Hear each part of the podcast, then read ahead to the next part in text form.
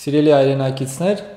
այժմ ես խոսելու եմ հարյուրավոր միլիոն դրամների հասնող մեքենայություններից, քանի որ շաբաթներ շարունակ պետական մարմինները նախընտրել են լռել այդ մասին, իսկ թե ինչու գուցե դուք կկռայիք այս տեսանյութի վերջում։ Ամեն դեպքում այս պայն արձանագրենք, որ ոչ քաղաքապետարանը եւ ոչ էլ դատախազությունը չեն խոսել պետությանը եւ համայնքին հասցված վնասից։ Խոսքը գնում է պետական գնումների մասին, որոնք կարգավորվում են համապատասխան օրենսդրությամբ եւ կառավարության որոշումներով։ Այսպես գնումների մասին ՀՀ օրենսդրության համաձայն ցանկացած կապիտալ շինարարություն պահանջում է առանձին տեխնիկական հսկողություն մեկ այլ մասնավոր կազմակերպության կողմից։ Այսինքն փաստացի շինարարության վերաբերյալ հայտարարվում է երկու մրցույթ՝ բուն շինարարական աշխատանքները եւ դրանց տեխնիկական հսկողությունը։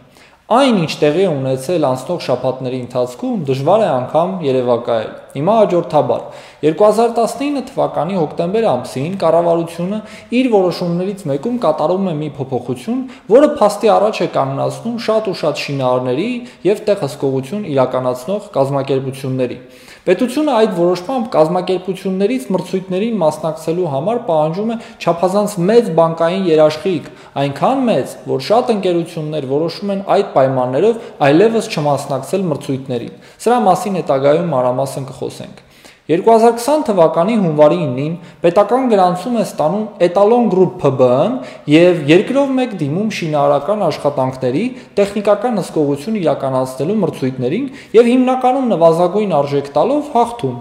2020 թվականի փետրվարի 20-ին նույն նորաստեղծ կազմակերպությունը մասնակցում է Երևանի քաղաքապետարանի կողմից հայտարարվող ասֆալտապատման աշխատանքների հսկողության մրցույթին եւ լինելով միակ մասնակիցը ստանում շուրջ 35 միլիոն դրամ արժողությամբ պայմանագիրը։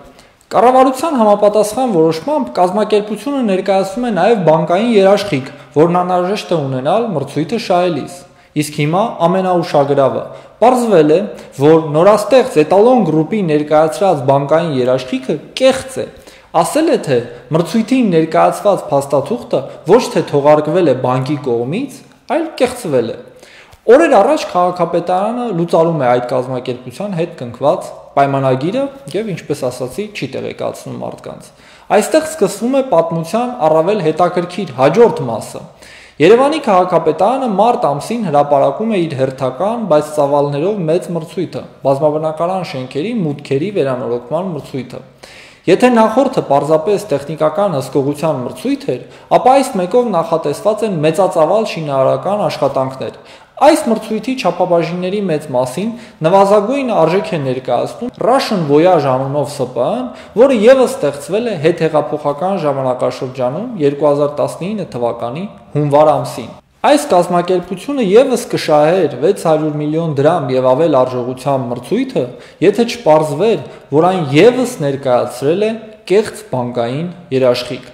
Ես ներկայացրեցի երկու կազմակերպությունների երկու մրցույթներ, բայց դրանք ներկայացրածիցս ավելին են։ Բազմաթիվ այլ մրցույթներ եւս հրապարակված են ոչ միայն Երևանի քաղաքապետարանի կողմից, այլև տարբեր պետական եւ տեղական մարմինների կողմից։ Բնականաբար հարց է առաջանում. փոխկապակցված են արդյոք այս ընկերությունները եւ արդյոք կեղծվել են բանկային երաշխիքի վերաբերյալ փաստաթուղթը սեփական ռիսկով։ Անդրադառնանք սեփականատերերին տվյալ կազմակերպությունների։ Համաձայն պետական ռեգիստրի պաշտոնական տվյալների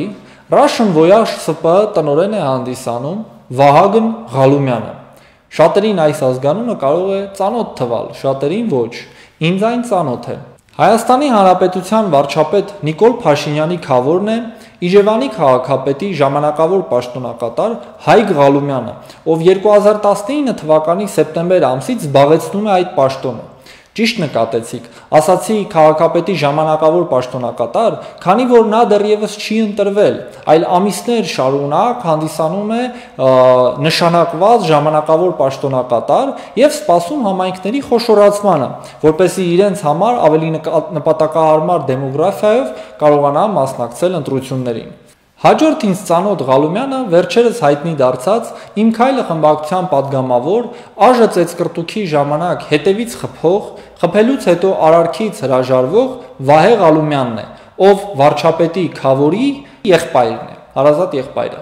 Ի տարբերություն վարչապետ Փաշինյանի падգամավոր դարձած ազգականներ Սիփան Փաշինյանի եւ Հրաչյա Հակոբյանի, Վահե Ղալումյանը իմ քայլի համամասնական ցուցակում զբաղեցրել է անցողիկ 31-րդ տեղը։ Իր կենսագրության հետաքրքիր դրվագ ԱԺ պաշտոնական կայքից. 2003-ից 2006 թվականները Իջևանի Ճանշին վարչության գործադիր տնօրենի տեղակալ, 2006-ից 2015-ը Իջևանի Ճանշին վարչության գործադիր տնօրենի առաջին տեղակալ։ Կարծում եմ պարոն Ղալումյանը ունի տենդերների մասնակցության սոլիդ փորձառություն։ Ամփոփում ենք այս ամենը վերհիշելով Russian Voyage ՍՊ տնօրեն Վահագն Ղալումյանին, ով հետհեղափոխական շրջանում ստեղծել է այդ ՍՊ-ն եւ մասնակցել շինարարական խոշորացավալ մրցույթի, ներկայացնելով կեղծ բանկային երաշխիք։ Հստակ ազգակցական կապը չեմ կարող նշել, միայն կասեմ, որ իրենք միմյանց մեջ ասում են, որ իրենք հորեղբոր տղաներ են։ Իրավապահները այս ամենից կարծում եմ արդեն տեղյակ են։ Հարուցել են արդյոք քրեական գործ եւ ինչ շրջանակների համար չեմ կարող ասել, բայց կասեմ, որ երկու շաբաթ արդեն անցել է այն բանից հետո, ինչ բանկը տեղեկացրել է Երևանի քաղաքապետարանին այն մասին, որ նման երաշխիք չի թողարկել եւ Ղալումյանի տնօրինած ՍՊ-ի ներկայացրած փաստաթուղթը կեղծ է։ Այս ամենը ինչու եմ ես հրապարակում, այլ ոչ իրավապահները կրկին կդժվարանամ ասել։ Կդժվարանամ ասել նաև, թե փոխկապակցված են արդյոք բանկային երաշխիք